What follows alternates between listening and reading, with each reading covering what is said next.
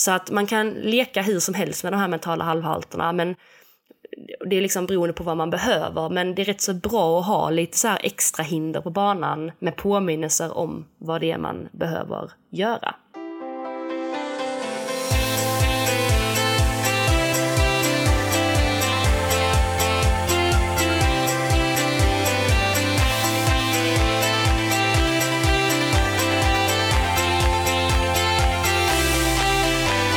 Hej kära lyssnare och varmt välkommen till veckans podd av En mental halvhalt.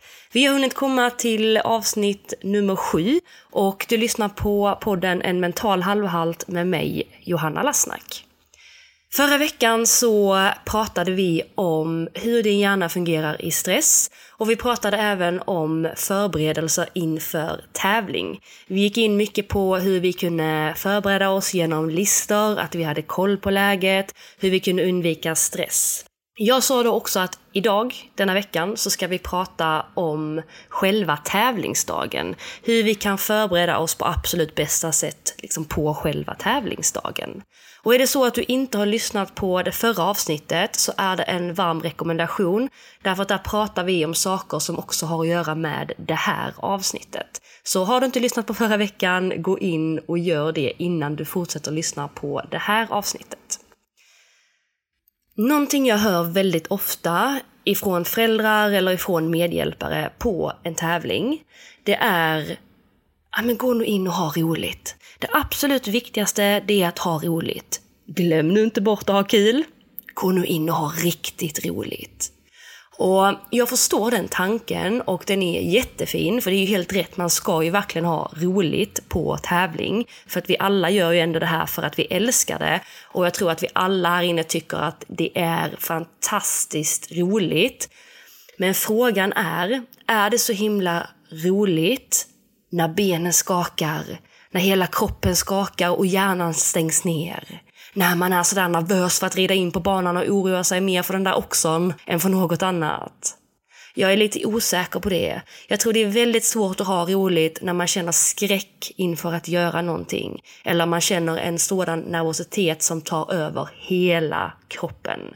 Så vad jag vill ha sagt med det, det är att man kan tyvärr inte börja i den änden. Man kan inte börja med att säga ja men gå bara in och ha roligt. Eller jag ska, bara, jag ska bara fokusera nu på att ha roligt. För att, att rida in på banan med stress och nervositet och vara skräckslagen, det är liksom inte roligt. Och då kan man inte börja med att säga glöm inte att ha roligt. För, för det är ju inte någonting som är konkret. Istället måste man kolla på vad är det nu som gör att personen i fråga inte tycker att det är roligt att rida in på banan. Vad är det som gör att personen känner ångest? Vad är det som gör att personen är nervös, känner skräck och, och alla de bitarna? Det vill säga, hur kan vi hantera den jobbiga känslan och göra den enkel?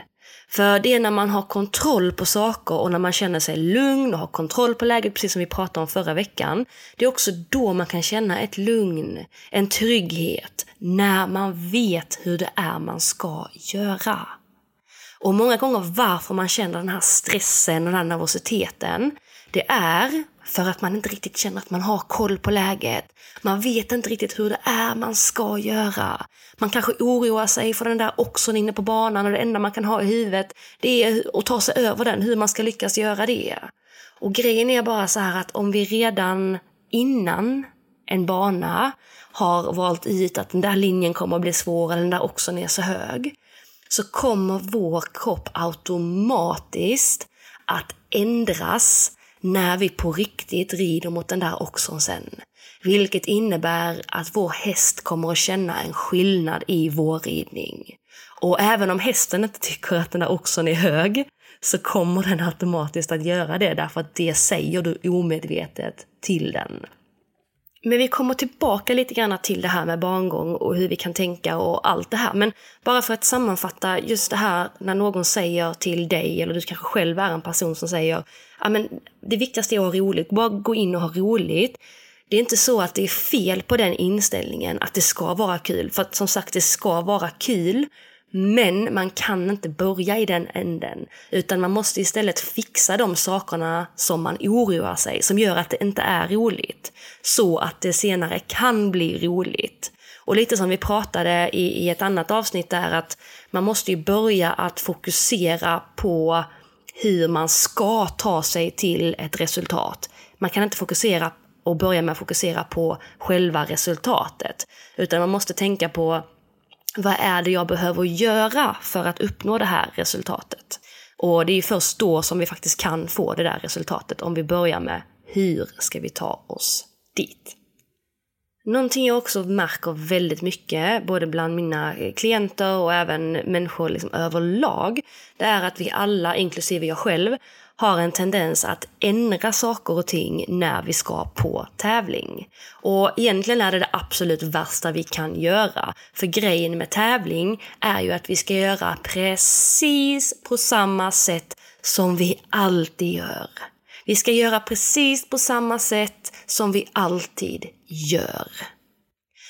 Grejen är att när vi börjar ändra saker, då får vi också nya resultat. Och många gånger när vi ändrar saker på tävling så gör vi det till något negativt. Alltså vi ändrar saker på ett negativt sätt, vilket också leder till negativa resultat. Så för att slippa hamna i det här att man börjar ändra saker. För att jag vet att du som lyssnar på det här och känner igen dig själv att du ändrar saker. Det är inte för att du vill det, utan du börjar ändra saker därför att du blir nervös och andra tankar kommer in hos dig som inte riktigt hör hemma där. Så att jag förstår att du, du ändrar liksom inte saker för att du verkligen vill det, utan att det blir en konsekvens när tankarna är på helt fel sätt. Att vi börjar göra annorlunda, det är liksom inte alls konstigt. Men någonting som jag brukar tänka på det är att det jag ska göra på tävling, det är ju liksom, det är ett jobb som ska utföras. Om jag tänker tillbaka, om jag jämför träning och tävling, så i båda fallen så ska jag ju rida in på ett underlag. Jag ska hoppa bommar som står mellan två hinderstöd. Jag ska göra det i en bra rytm, jag ska ha en bra galopp, jag ska göra allt jag kan för att ha min häst i en bra balans och, och allt det där. Så allting är ju egentligen detsamma. Så därför måste jag, precis på samma sätt som jag är noga hemma på träning, att jag verkligen har en bra galopp, jag har en bra rytm, jag, jag rider min häst i balans.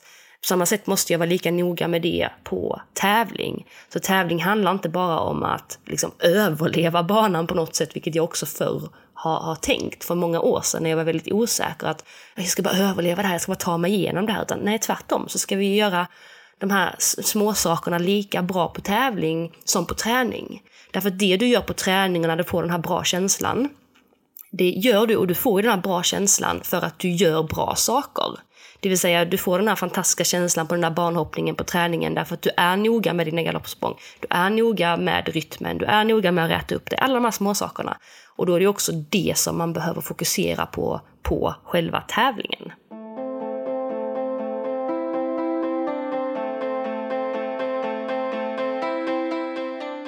Okej, så i det här avsnittet tänker jag att vi ska gå igenom alla steg som vi är med om på en tävling. Förra avsnittet gick vi in innan, vi pratade om packlista, vi pratade om system innan. Nu tar vi liksom allting som har med själva tävlingsdagen att göra.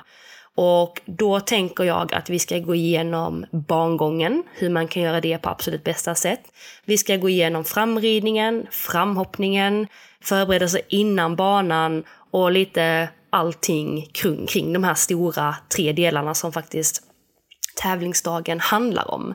Och jag är ju själv hoppryttare så att jag kommer ta alla exempel utifrån hoppning. Men alla de här kan man använda precis på samma sätt om man så rider dressyr, man rider islandshäst, man rider fälttävlan, man rider western, man rider liksom working equitation. Alltså allting, man bara sätter det liksom i sin egen gren. Men för att göra det enkelt så utgår jag ifrån hoppningen så att man kan få en helhetsbild av hela systemet. Så de, alla de här tipsen jag kommer att ge nu är tips som jag själv använder mig utav. Så därför kommer jag utgå ifrån mig själv. Så alla de här tipsen som kommer nu, det är ingenting som är ristat i sten att du också ska göra detta. Utan det här är tips som jag delar med mig av som kanske kan inspirera dig. Sen kanske du hittar egna vis genom de här tipsen. Men så att man inte tänker att Åh, detta är det enda sättet att göra det på. För det är det inte, för det finns massa olika sätt att göra det. Men jag kommer liksom utgå ifrån vad som har, som har hjälpt mig, så att säga. Och om vi då börjar med bangången. När jag går banan så ser jag till först och främst att jag har kollat på banskissen. Så att jag vet hur banan typ ser ut. Det behöver inte vara jätte, jätte avancerat, att jag ska kunna den i minsta detalj. Men jag vill gärna ha koll på vad ettan är och hur många språng där är. Om fas 1 är 1 till 7 eller 1 till 8 eller 1 till 9. Och om fas 2 är till nummer 12 eller till 13. Så att jag har lite koll på det. För sen när banan öppnas så vet jag direkt var ettan är, så då kan jag liksom börja gå dit direkt. En sak jag också alltid gör, det är att gå ensam. Så länge inte min tränare är med. För är min tränare med så går han med mig, men då har vi vårt system för det. Men jag skulle aldrig få för mig att gå med en kompis eller en förälder eller ja, någon random därför att jag behöver ha 100% fokus på mitt eget arbete. Precis lika mycket som min vän behöver ha fokus på sitt arbete. Och går man tillsammans så har man en tendens att liksom, ibland snacka lite granna eller ja men ni vet ju själva hur enkelt det är att flyta iväg. Så ett, ett stort tips det är att, att försöka att alltid gå ensam. För grejen är ju att det är ju du som ska rida banan. Det är ju inte din mamma eller din pappa eller din kompis, utan det är ju du som ska göra det. Sen om man är osäker på någonting så kan man ju rådfråga till exempel sin mamma eller sin pappa om de liksom har, har bättre koll än vad du har. Är det så att du är den enda som, som, som kanske rider familjen och dina föräldrar inte alls är hästkunniga så kan man kanske fråga någon som man känner på tävlingen, som man ser upp till och som man vet är rutinerad. Eller om man har möjlighet att ringa sin tränare. Det är ju väldigt, väldigt olika. Men att gå själv är en väldigt, väldigt bra början. Det första jag gör innan jag ens börjar gå banan, innan jag ens går till ettan, det är att jag planerar min väg innan ettan. Det vill säga jag kollar ut var det är jag ska fatta galopp, om jag ska göra ett byte, var det bytet ska ske och så vidare. Och jag hade en intervju med Stefanie Holmén uppe i Skandinavium för eh, ett år sedan, där hon sa att jag har en plan från det att min häst sätter första framhoven inne på banan på exakt vad jag ska göra. Så att hon vet exakt vad det är hon ska göra från det att hon blir insläppt på banan. Och det är någonting jag också har med mig att hur ska jag rida när jag kommer in på banan, när jag blir insläppt? Ska jag galoppera in? Ska jag trava in? Ska jag skritta in? Ska jag galoppera höger? Ska jag galoppera vänster? Ska jag visa något hinder? Allt det ser jag till att planera. Så att det inte finns några frågetecken när jag blir insläppt. Utan jag vet att jag galopperar ner till den också, jag ska visa den också. Jag travar bort i den kombinationen, visar den kombinationen. Och sen ser jag till att min plan är så att jag håller mig rätt så nära ettan. Så att när jag får startsignal så är jag redan i det området så att jag kan börja galoppera direkt. Så att jag inte befinner mig på helt på andra sidan banan när jag får startsignal och behöver liksom tänka åh så, utan jag vet vad jag ska göra, när jag ska göra det och hur jag ska göra det. Så sen börjar jag gå banan, så då går jag liksom 1 till 13 eller vad det nu är. Det jag gör när jag går min bana, det är att efter varje linje Alltså oavsett om det är en eh, relaterad linje, alltså där är 5, 6, 7 galoppsprång, eller där är 14 galoppsprång, så har det ingen betydelse om det är en sväng, om det är en raksträcka. Så för varje linje jag har gått så gör jag ett litet uppehåll där jag stannar till lite granna och tänker och ser framför mig hur jag ska rida den linjen.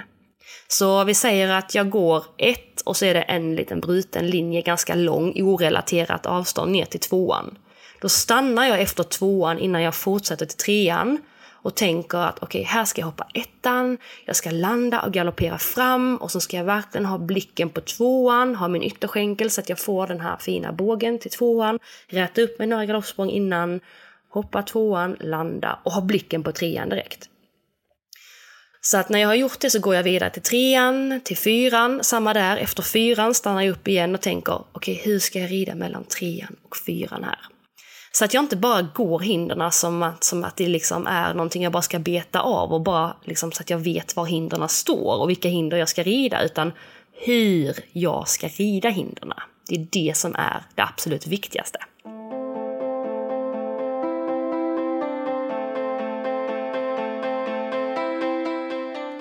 Om det kommer en svårighet på banan som jag vet med mig kan ge mig lite fjärilar i magen.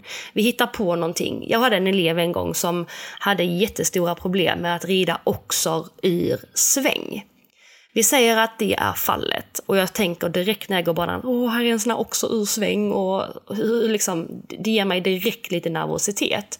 Istället för att gripas av panik så tänker jag då, okej, okay, hur är det jag behöver rida den här oxen ur sväng? För min första tanke kanske är, för att om det är en oxe ur sväng och mitt problem är att jag börjar backa, backa, backa, backa, backa, då kommer min hjärna direkt bara, här får jag verkligen inte backa, här får jag verkligen inte backa. Bort med den tanken direkt, utan fundera inte på vad du inte ska göra, utan fundera på vad du ska göra. Så vad du behöver göra då, det är att påminna dig att okej, okay, i svängen behöver jag verkligen tänka på att ha blicken på oxon. Se till att galoppera i svängen. Och när den här känslan av panik kanske infinner sig och jag vill börja backa, så måste jag påminna mig själv att vara stilla i handen och fortsätta på den distansen jag har. Så det innebär att vad du har gjort nu, det är att du har tagit hand om situationen. Så att om du får panik på något sätt innan den här oxon, så vet du hur det är du ska göra, för att du har gjort en plan inför det. Och det är extremt viktigt. Så att du inte går ut från banan sen när du har gått banan och tänker Åh, jag har koll på allting förutom den här oxon nu sväng, utan okej, okay, accepterat, jag har lite fjärilar i magen av den här oxon, det är en svårighet, acceptera det. Men om det skulle vara ett problem, eller, eller om jag liksom känner nervositet inför det och får den här kanske blackouten innan, hur ska jag göra då? Det är det absolut viktigaste. Vad jag också gör under min barngång, det är att jag lägger in lite små mentala halvhalter. Och de här mentala halvhalterna kan vara väldigt många olika saker. Är det så att man till exempel har en tendens att inte andas och bara liksom knappt eh, liksom får in luft i lungorna under bangången eller under banan så kan en del vara att lägga in små andningspauser. Så vi kan säga att du lägger in en andningspaus i svängen efter fyran. Så då stannar du till lite där och tänker okej, okay, här ska jag andas. Du rider femman, sexan och efter sjuan så ska du andas igen och så vidare. För mig är det att jag, jag har mina mentalhalter, alltså de för mig innebär att jag måste aktivera galoppen. Så att jag hela tiden känner att jag har hästen framför mig för att jag har en tendens att rida lite under tempo. Så att man kan leka hur som helst med de här mentala halvhalterna men det är liksom beroende på vad man behöver, men det är rätt så bra att ha lite så här extra hinder på banan med påminnelser om vad det är man behöver göra. Sen när vi kommer till de här relaterade avstånden så kan man göra de här på lite olika sätt. Det är lite grann beroende på vad, liksom, hur man känner och vad som funkar för en. Jag har två elever till exempel som alltid skriver ner sina relaterade avstånd. Det vill säga att de har ett anteckningsblock med sig som är jättelitet som alltid ligger i kavajfickan och en jätteliten penna. Och så skriver de ner att okej, okay, här är 22 meter. Här ska jag rida fem galoppsprång, till exempel. För det inger en trygghet för dem. Jag vet att Peder gör också det och tycker det funkar bra. Men som sagt, det här är ingenting som att liksom, det kanske inte funkar för dig. Så känn inte så att okej, okay, nu ska jag också börja göra det för att Peder gör det eller för att de här personerna gör det och det funkar för dem. Utan känn efter, är det här någonting som skulle kunna hjälpa mig? Testa det då. Är det någonting som känner att nah, men det här kanske inte är någonting som, som är någonting för mig? Gör då inte det liksom. Eh, och är det så att man känner sig osäker på stegningen, det vill säga att man inte är helt hundra procent säker på att man tar rätt steglängd, så är ett extremt bra tips att gå hem och träna på detta. Du kan till exempel mäta ut, ta i stallgången till exempel, mät ut, om du har fem meter, så lägger du en tejpbit eller fäster en tejpbit efter varje en meter. Så att du liksom har fem tejpbitar framför dig.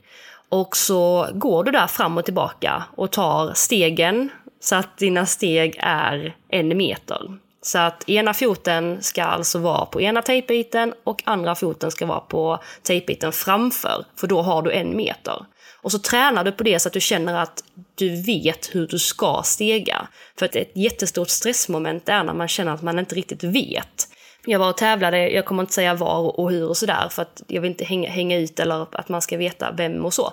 Men jag var och tävlade för inte så länge sedan och eh, så stegade jag en linje, eh, en sista linje som var 22,5 meter, alltså lite framåt på, på fem.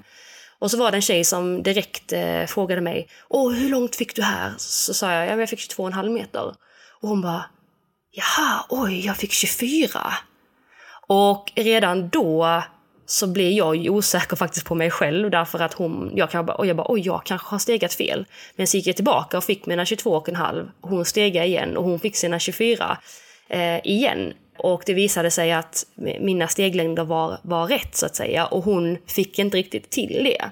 Och det, ingav, alltså det gav henne en väldigt, väldigt stress och jag kände liksom hur osäker hon blev och, ja, men sådär. och det är ett big no. Vi vill liksom vara säkra på vår grej när vi går banan. Så kan du inte stega eller känna dig osäker, hem och träna på det så att du känner dig säker på det. Någonting jag också brukar tänka att om det är en linje som jag tänker oh shit det här blir jobbigt eller oj det här är lite utmanande. Då brukar jag ta den här linjen, se den framför mig och så sätter jag den som om den stod i ridhuset hemma. Det vill säga, om den här linjen hade stått hemma i ridhuset, hur hade jag ridit den då? Och redan då får jag hjälp med att oj, jag hade ju inte gjort så stor grej av det. Jag hade ju gjort på det här sättet. Så att ett bra tips kan vara att tänka liksom att om den här banan stod hemma i ridhuset, hur hade jag ridit den då?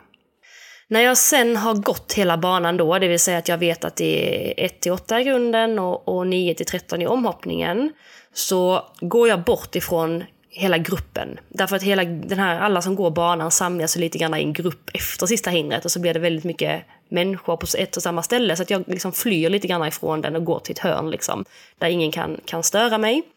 Och ett, går jag igenom banan typ som med händerna. Att jag tänker okej, okay, ettan är där, tvåan är där, sen är det fem galoppsprång till trean, sen är det fyran, femman, sen är det sex galoppsprång till sexan och så vidare. Allt det där. Och hur jag ska rida och sådär. Eh, sen går jag igenom hur jag ska rida. Det vill säga att jag ser mig själv rida banan. Så att jag sluter ögonen och försöker verkligen tänka mig in hur det är att sitta på min häst. Det vill säga jag känner hur jag sitter med ändan i sadeln, hur jag har händerna i tyglarna, hur vinden nästan blåser i huvudet när jag galopperar. Jag känner hur det surras på läktaren av, av burret där och jag kan nästan känna doften av nyharvat underlag. Och så rider jag exakt i den galoppen jag vill ha till nummer ett. Alltså jag känner hela kroppen vilken rytm jag vill ha hur jag landar efter ettan, har blicken på tvåan, rider den där brutna linjen, är noga med min ytterskänkel, landar efter tvåan, är snabb i landningen och rida en, två, tre lite framåt, fyra, fem, räta upp mig till trean. Och så gör jag det liksom i mål. Um, och det kallas att visualisera och vi ska prata lite grann mer om att visualisera i ett senare avsnitt så att vi går in mer på det. Men i alla fall, jag kollar först banan, det vill säga alla avstånd, pekar, ser vilka hinder det är. Men sen tänker jag hur jag ska rida. Och det är det som är det absolut viktigaste, hur vi ska rida. Därför att det är ju det som är uppgiften sen när vi väl kommer in.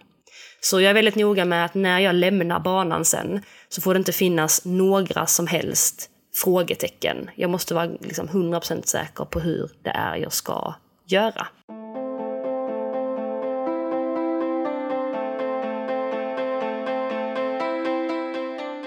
När jag sen eh, har lämnat banan så vet jag med mig om att jag kommer jag kommer att få gå igenom banan tre gånger till.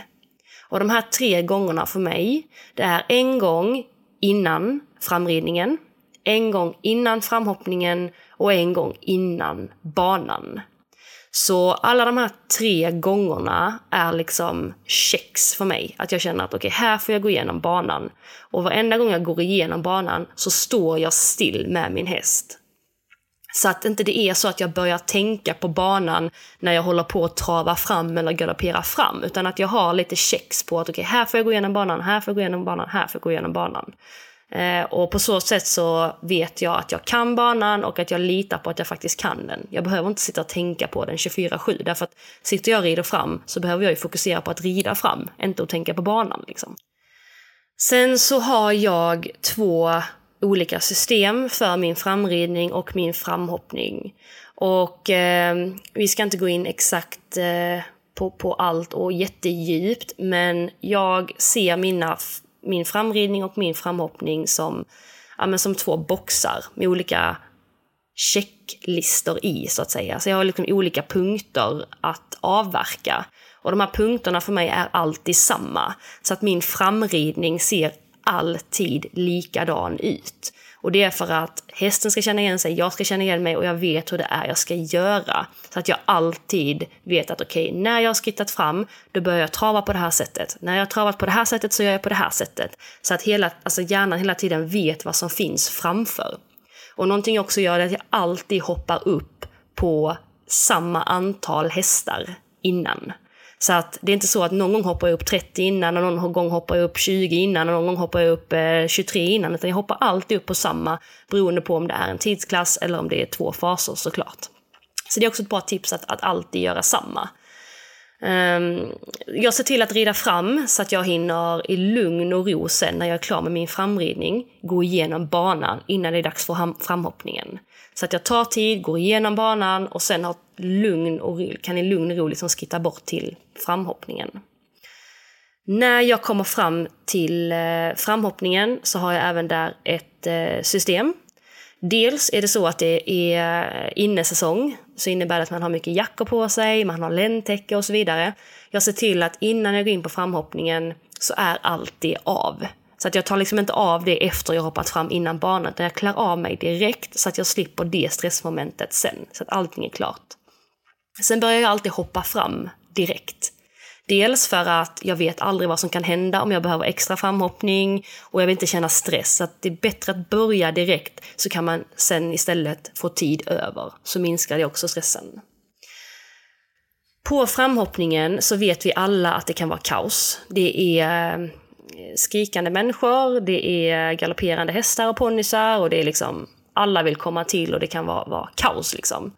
Inte bara det, utan framhoppningen är ofta väldigt liten. Hindren är väldigt glesa. Där finns inga infångare. Alla människor ska rida ungefär samtidigt. Och med det här i tanke så rider jag framhoppningen ut för vad det är. Jag tar inte det på så stort allvar. Det vill säga att jag håller alltid hindren väldigt låga. Är det så att jag ska gå in och rida en 130 så kanske jag tar ett språng på 1.30 max, knappt det ibland. Jag håller det väldigt liksom, lugnt därför att jag vill ge mig själv bra förutsättningar, jag vill ge min häst bra förutsättningar och att vi har en bra känsla där innan. Jag ska liksom inte träna någon höjd där och jag tror det är viktigt att man inte gör det utan att man faktiskt fokuserar på balansen innan och, och sådär. Sen har jag och min medhjälpare alltid ett eh, teckenspråk som vi båda känner till. Så att är det så att min tränare är med mig så bestämmer han ju vad jag ska göra. Så då kan han med hjälp av tecken, det vill säga sin hand, eh, visa för mig att okej, okay, nu kan du skritta, eller nu kan du vänta, eller kom igen. Och är det så att jag har en medhjälpare med mig så är det ju jag som bestämmer. Och då kan jag med hjälp av teckenspråk till henne visa att jag vill ha två, eh, två högre på räcket genom att räcka upp två händer i luften jag kan visa med hjälp av att jag liksom, ja, eh, stryker handen lite från vänster till höger över luften, att, att jag vill, alltså att det räcker där. Jag kan peka på oxen om jag vill att hon ska gå till oxen och, och sådär. Så att man slipper skrika på framhoppningen, för det gör redan alla andra och då behöver man liksom inte göra det själv. Därför att när man skriker, eller skriker och skriker, men höjer rösten, så blir man automatiskt lite mer stressad. Så att kan vara bra att tillsammans med sin mamma eller pappa eller sin medhjälpare ha ett teckenspråk.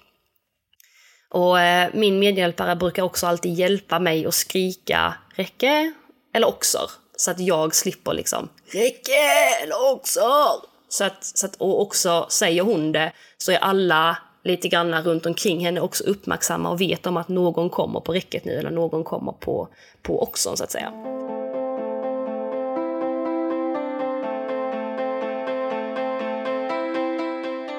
Någonting jag då också har med mig ifrån min framhoppning sen, det är att oavsett hur det går, jag kanske har haft fantastisk känsla, jag, min häst har gjort fantastiska språng, eller det har gått åt helsike, det har varit en jättedålig känsla, hästen har inte alls hoppat bra, jag har varit ofokuserad.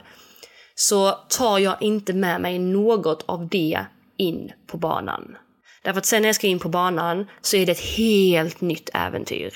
För sen när jag kommer in på banan så är det, det är en ny ring, det vill säga det är nytt underlag, det är nya hinder, det är ny bana, allting är nytt. Och likadant är det för hästen.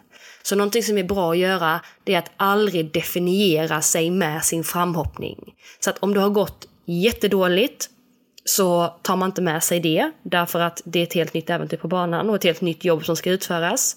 Och har det gått jättebra tar man inte med sig och glider på det på banan, att åh, nu har det gått så bra så att nu kommer allting gå bra på banan. Nej, därför att bara för att det går bra på framhoppningen behöver det inte gå bra på banan. Så att man alltid är väldigt liksom, neutral och alltid delar in de här. Så att framhoppningen är en sak och banan är en sak. Och oavsett hur det har gått så är det kanon, därför att jag har ett nytt jobb att göra sen när jag väl kommer in på banan. Sen när jag står och eh, väntar på eh, att få gå in på eh, banan, vilket jag faktiskt ser till att göra i god tid. Jag kan ibland stå tre innan och vara klar med min framhoppning. Bara för att jag ska kunna gå igenom min bana i lugn och ro igen och veta att okej, okay, det är ingen stress här. Då eh, har jag pratat med min eh, hästskötare innan om det är någonting jag vill att hon ska göra är det så att jag vill att hon är tyst så har jag sagt det. Är det så att jag vill att hon är där har jag sagt det. Är det så att jag vill att hon inte ska vara där så har jag sagt det. Så att hon hela tiden vet vad hon ska göra.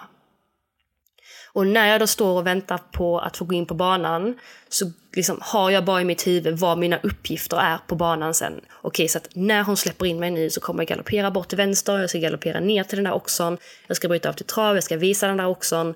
Alltså, alltid så att jag hela tiden har en uppgift. Så att jag inte sen rider in på banan och bara Åh, vilka är på läktaren? Eller Åh, nu ska jag hålla mig undan här. Utan att jag har ett jobb som ska utföras och det är min uppgift att se till så att det blir utfört. Både för mig själv och för min hästs skull. Och sen då när jag blir insläppt på banan så har jag ju redan en plan. Jag vet ju vad jag ska göra för det har jag ju lagt upp på bangången. Så då är det bara att börja beta av den planen och göra jobbet som jag vill göra där inne. När jag eh, sen, jag kanske, det är kanske så att jag har två klasser. Oavsett hur det har gått nu i första klassen så låter jag inte det styra mitt humör. Så att säg att jag har vunnit en klass, eller säg att jag har blivit utesluten i en klass, alltså första klassen, så har det ingen betydelse för mig. För att jag vet att jag behöver hålla mig väldigt stabil känslomässigt inför nästa klass. Så är det då så att jag stannat ut med den här första klassen så går jag inte ner och är jättebesviken, jätteledsen, därför att det kostar för mycket energi för mig att vara det. Utan jag kollar istället, okej, okay, vad kan jag göra bättre till nästa klass? Vad gick fel? Vad kan jag göra bättre? Samma sak är det om det har gått jättebra, att jag inte svävar iväg och bara åh herregud jag vann, och jag blir överglad. Därför att det påverkar också mig med massa känslor inför nästa klass. Och alla de här känslorna gör oss väldigt utmattade och ofokuserade på nästa klass. Så att jag låter inte mig riktigt känna efter förrän tävlingen är över. När tävlingen då är över, så det sista jag gör och det sista jag har som rutin är att titta på tävlingsdagen. Det här kan jag göra i bilen hem, jag kan göra det på kvällen eller jag kan göra det dagen efter beroende på, på hur jag känner mig. Då tittar jag på två saker. Jag tittar på de sakerna som jag faktiskt gjorde riktigt bra, för de ska jag ju fortsätta göra. Så då måste jag verkligen definiera vad, vad var det jag gjorde bra nu och det här ska jag verkligen ta med mig och fortsätta göra. Och sen tittar jag på de sakerna som jag kanske inte gjorde sådär jättebra, som jag behöver bli lite bättre på. Och så tar jag med mig det till veckans träning och så försöker jag göra det bättre till nästa, till nästa tävling igen. På så sätt så kan jag hela tiden liksom göra en tävling, lämna den bakom mig, fokusera på nästa. Och så att jag hela tiden vet att okej, okay, det här gör jag bra, det här fortsätter jag göra. Ja, men det här får jag bli lite bättre på, jag får gå hem och träna på det och så blir det bättre till, till nästa gång.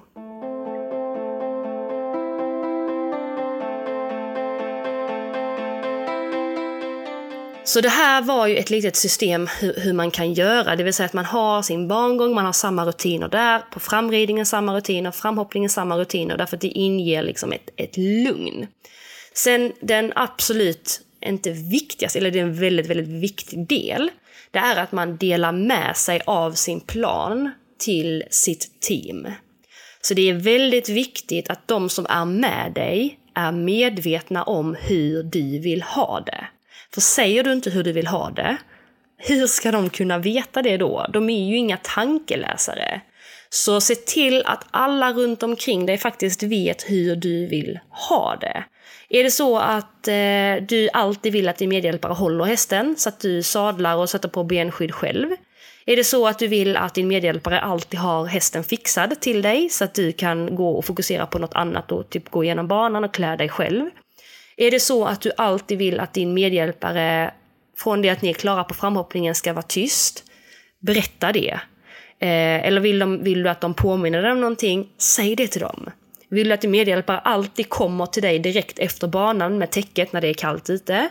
Är det så att du vill att din medhjälpare alltid har en godis i fickan till din häst efter tävlingen eller efter banan? Alltså, se till så att allt, alla vet vad det är de ska göra och när och hur. Så att alla liksom kan dra mot samma mål. Så att inte du har en plan och dina medhjälpare har en helt annan. För det är väldigt skönt för alla att veta vad som förväntas av dem. Och jag vet att det är mycket så här när man har föräldrar med att det är väldigt lätt att bli irriterad på sin mamma eller sin pappa och sådär. Men just därför ha en plan innan. Okej, okay, mamma jag vill att du ska göra det här. Pappa jag vill att du ska göra det här. Eh, kan vi vara tysta? Jag vill inte att du eh, säger det här till mig på framhoppningen. Jag vill inte att du hela tiden påminner mig om det här för jag vet detta redan. Eller jag vill att du ska säga någonting. Alltså prata med varandra för det är jätte, jätte, jätteviktigt. För hur den är så ska tävlingen, det ska vara ett jobb. Det är ett jobb som ska utföras och alla ska veta vad de ska göra. Alla andra stressar redan runt och har inte en aning om vad de ska göra och då behöver inte ni göra det. Utan föregå med gott exempel, ha koll på det ni ska göra. Och jag brukar säga det att ett hållbart system, eller ett vattentätt system, det är när man inte behöver prata. För alla bara redan vet vad det är de ska göra. Så det sista jag vill eh, lämna er med eh, nu, den här podden, det är att eh, planera. Ha koll på vad det är ni ska göra. Lämna ingenting åt slumpen.